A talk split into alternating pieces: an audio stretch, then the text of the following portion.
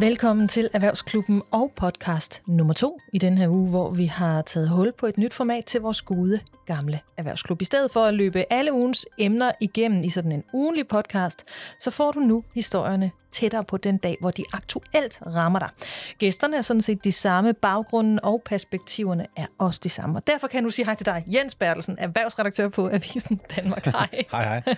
og jeg hedder i øvrigt uh, Anne-Marie Lindholm, og jeg er erhvervsjournalist på Avisen Danmark. Og i dag der skal vi kigge nærmere på, på Eko.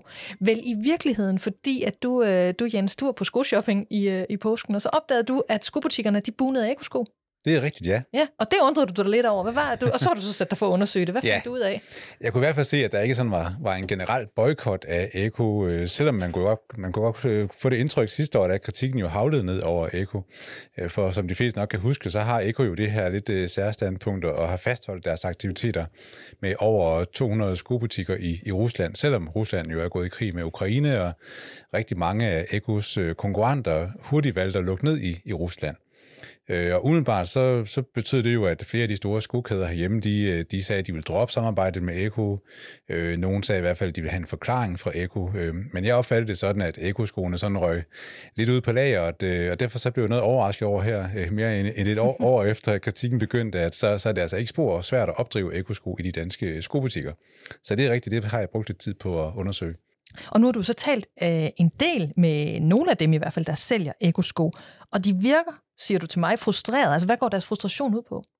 Jamen, det er jo blandt andet øh, formanden for skobranchen, som, som dækker over 400 medlemmer, som, som jeg har talt med. Han hedder Jørgen Krabs, og han driver selv øh, tre skobutikker i, i skoringen, øh, kæden på, på Fyn. Og han fortæller jo, jo, at branchen simpelthen er brændt inde med, med sko fra Eko. Det kan godt være, at butikkerne ikke direkte boykotter Eko, men, men det gør forbrugerne altså. Så der er mange, der kommer ind i butikkerne og siger, at øh, nej, den her gang skal det ikke, skal det ikke lige være, være Eko. Og derfor så er det altså modeller, som blev, blev bestilt øh, hos Eko inden øh, Ruslands invasion, som de stadig hænger på, i hvert fald i mange af skobutikkerne. Øh, hos øh, Magasin var man hurtigt ude at sige, at man ikke ville samarbejde med, med Eko, og der, der finder du meget bekendt i hvert fald ikke sko på hylderne i, i store magasinerne. Mm. De har nogle få sko øh, fra Eko på, på deres hjemmeside, men der står så meget tydeligt, at det er et afviklingssalg. Og så vidt jeg kunne se, så skal man altså også enten gå i meget små sko, eller have nogle lidt specielle ønsker til sin Eko-sko, så kan man finde lidt på Magasins lager der. Du har jo selvfølgelig også i den her forbindelse ragt ud til Eko, der igen, kan vi godt afsløre, igen har afvist at medvirke i et, øh, i et interview. Altså, øh, bare lige for at, at sætte det lidt i et perspektiv, hvor tit møder du så massive øh, afvisninger, altså om deltagelse i interviews, når du taler med dansk erhvervsliv? Det er helt usædvanligt, at en så synlig virksomhed med tusindvis af ansatte og milliarder i omsætning, at de bare lukker helt i. De vil ikke tale om noget som helst. Øh, sidst de gjorde det, det var i marts øh, sidste år, hvor topchefen øh, Panos Myteros, han er græker, han, han gav nogle interviews, og dengang der gentog han jo sådan Ekos begrundelse for at blive i Rusland, nemlig at de gerne ville tage hensyn til de her mere end 1800 ansatte, de har derovre, og så, og så deres familie. Øh, men der er meget, man gerne vil spørge Eko om øh, nu, i lyset af, at krigen trækker ud, øh, og de holder jo fast i den her position, de har haft hele tiden.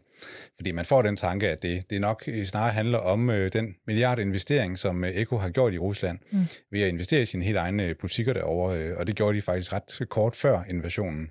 Så altså, at øh, virkeligheden er, at de prøver at beskytte et af deres allervigtigste markeder. Mm. Altså, vi to vi er jo ikke øh, branding-eksperter, men vi har fulgt lystigt med i alle eksperters øh, udtalelser omkring, øh, omkring Ekos valg af kommunikationsstrategi. Når nu Ekos strategi til syneladende i hvert fald er at fastholde deres øh, aktiviteter i Rusland, er det så ikke øh, umiddelbart klogt, altså at lukke ned for al kommunikation om den her strategi? Alle jeg har talt med, de er dybt forundret over Ekos tavshed. Fordi de står jo ude i skobutikkerne og skal tage skraldet for, for Eko. Øh, forbrugere kommer og spørger, hvorfor Søren Eko stadigvæk sælger sko til, til russerne, og det skal de her skoekspedienter så stå og finde en, en forklaring på. Det synes de ikke er særlig øh, fedt. Og som der var en, der sagde, altså, vi ved jo, at både Carlsberg og Rock, øh, Rockwool, de jo også er aktive i Rusland stadigvæk, men det er jo ikke supermarkederne og byggemarkederne, der skal stå og forklare, hvordan det lige hænger sammen. Der er både Carlsberg og Rockwool, de, de stiller jo faktisk op og forklare, og så kan man så enten lide deres øh, forklaring, eller måske kan man ikke, øh, men de prøver i hvert fald at give en begrundelse for, mm. at, at det her dilemma, at, at det er bare ikke nemt at forlade Rusland for, for nogle af de her virksomheder. Okay. Og det er sådan det, der undrer med, med Eko, fordi de siger, at de tager hensyn til deres ansatte derovre. Men jeg tror efterhånden, at de fleste tænker, at det nok har noget at gøre med den her milliard dyre øh, investering, de her interesser, de har i, i Rusland. Og det kunne de jo prøve at forklare Altså, til, prøv at, at tænke tanken, at Eko siger, at nu lukker vi vores butikker, eller vi finder en køber, som øh, selvfølgelig vil presse prisen i bund på de her over 200 Eko-butikker. Mm. Øh, det vil de russiske myndigheder reagere ret negativt på. Øh, det vil nok koste Eko en del penge at slippe ud af Rusland, og det er sådan den ene side af sagen. Men den anden er, at øh, en russisk køber af Ekos aktiviteter ret hurtigt vil kunne skaffe nye varer, for eksempel fra, fra Kina, hvor Rusland har jo rigtig gode forbindelser. Så Ekos navn vil nok øh, forsvinde, men altså, man har set andre eksempler på, så vil det måske bare dukke op med en ny skrifttype med nogle russiske bogstaver, der, der minder lidt om. Gecko. Ja, og så har det jo ikke rigtig haft nogen effekt. Altså de 1800 ansatte, de vil stadigvæk have deres job, og de russiske kunder kan købe sko, som, som de tænker minder lidt om, om øh, Eko. Så hvis formålet er at straffe økonomi, øh, russisk økonomi og ligesom gøre russiske forbrugere opmærksom på, hvad Putin har gang i, jamen så er det ikke sikkert, at det har en ret stor effekt, at Eko trækker sig ud af Rusland. Øh, den, den forklaring, det er jo så mit bud, øh, men hvis det er sandheden, jamen, så kunne Eko jo for længe siden prøve at forklare det i interviews, for eksempel hos os på Avisen Danmark. Men altså, der må den danske offentlighed og alle de her meningsdannere og politikere og forbrugere og, og pro-ukrainer og hvem der ellers er, er, er oppe på barrikaderne. De kunne så tage stilling til, at man synes, det var en god forklaring, der kom. Men øh, det ville trods alt vise, at det øh, står på mål for, for de øh, beslutninger, de, de træffer. Det mangler vi lidt at se nu. Når, når nu ikke Eko vil tale mere, så har du været øh, dygtig, som du er, og så talt med en hel masse andre, blandt andet Boost og Zalando, som jo forhandler øh, Ekos øh, brand, Ekos sko. Hvad siger de om deres relation til, til Eko? Jamen, der er billedet lidt anderledes. Øh, jeg skal så sige, det er lidt svært at få rigtige interviews med de her aktører. Man får ofte bare nogle mailsvar. Øh, Boost.com er interessant, interessant fordi de, de var ude sidste år og sige, at de ikke ville købe flere sko fra Eko, før der var styr på, på situationen i, i Rusland. Mm. Men i dag, der siger de altså, at kunderne køber masser af Eko-sko hos dem. Øh, de uddyber ikke, hvad der lige har ændret sig, men, men der er ikke noget, der tyder på, at Boost sådan længere tager afstand fra det, som, som Eko foretager sig i, i Rusland. Så er der jo Zalando, som er den her store europæiske spiller, og som jo år efter år er danskernes øh, klart mest brugte netbutik. Øh, de peger på, at de har nogle etiske øh, kodex, som deres samarbejdspartnere skal leve op til. Og øh, det, Eko har jo ikke brudt nogen EU-sanktioner, og det, det har de virkelig ikke. De må gerne sælge de her sko i, i Rusland. Og derfor så vil Zalando også gerne handle med dem. De siger, at øh, hvis nu Eko pludselig sådan aktivt støttede krigen, så ville det stå helt, helt øh, anderledes. Mm.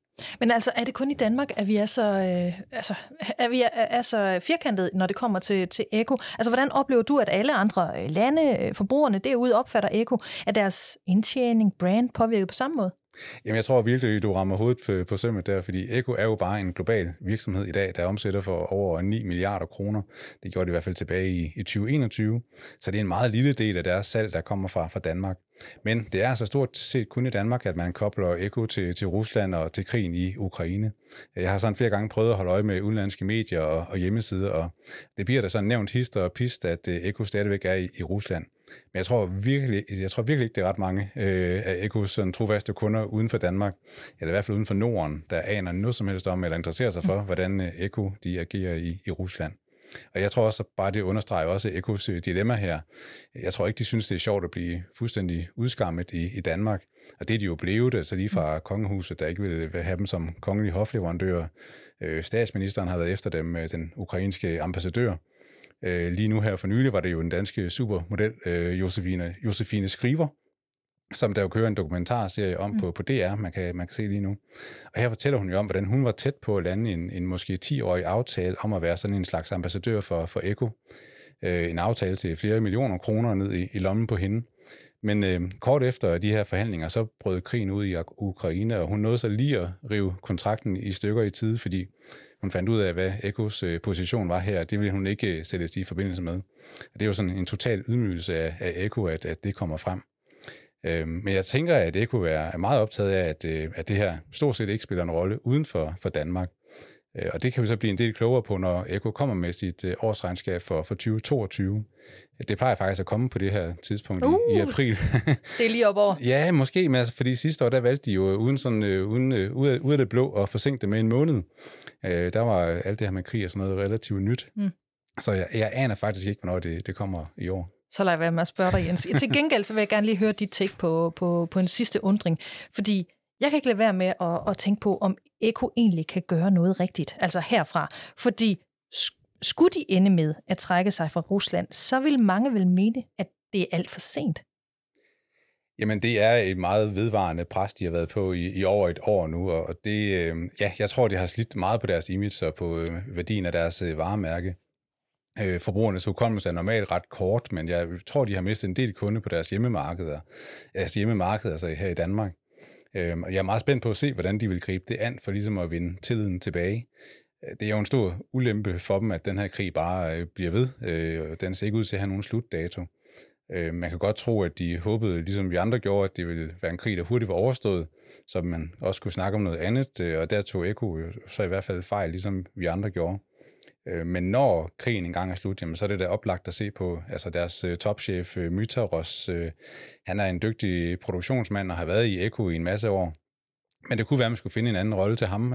Hvis så man indsætter en ny, dygtig direktør, så kunne, man, så kunne han eller hun jo prøve at lægge massiv afstand til de beslutninger, man træffede i, 2022, og så se, om, om det hjalp noget. Fordi det, det interview vil jeg i hvert fald ikke takke nej til. Skal vi ikke aftale, at vi begge to er på arbejde den dag, det regnskab der, det udkommer? Præcis. og hvis man så fik lejlighed til at spørge, så kunne man også interessere sig lidt for bestyrelsens rolle jo, for der, der sidder jo øh, tunge erhvervsfolk, men altså først og fremmest jo også øh, Kasper Sack-familien, der ejer Eko. Mm. Og øh, altså, hvem ved, måske er det dem, der har valgt at, at frede Rusland for at passe på deres egen formue. Vi får se. Vi følger op igen. Jeg kan mærke, det er ikke sidste gang, vi har talt om uh, Eko. For nu, så tak for endnu et godt afsnit, Jens Bertelsen, erhvervsredaktør på Avisen Danmark. Kort og præcist. Selv tak og til alle andre, vi lyttes ved.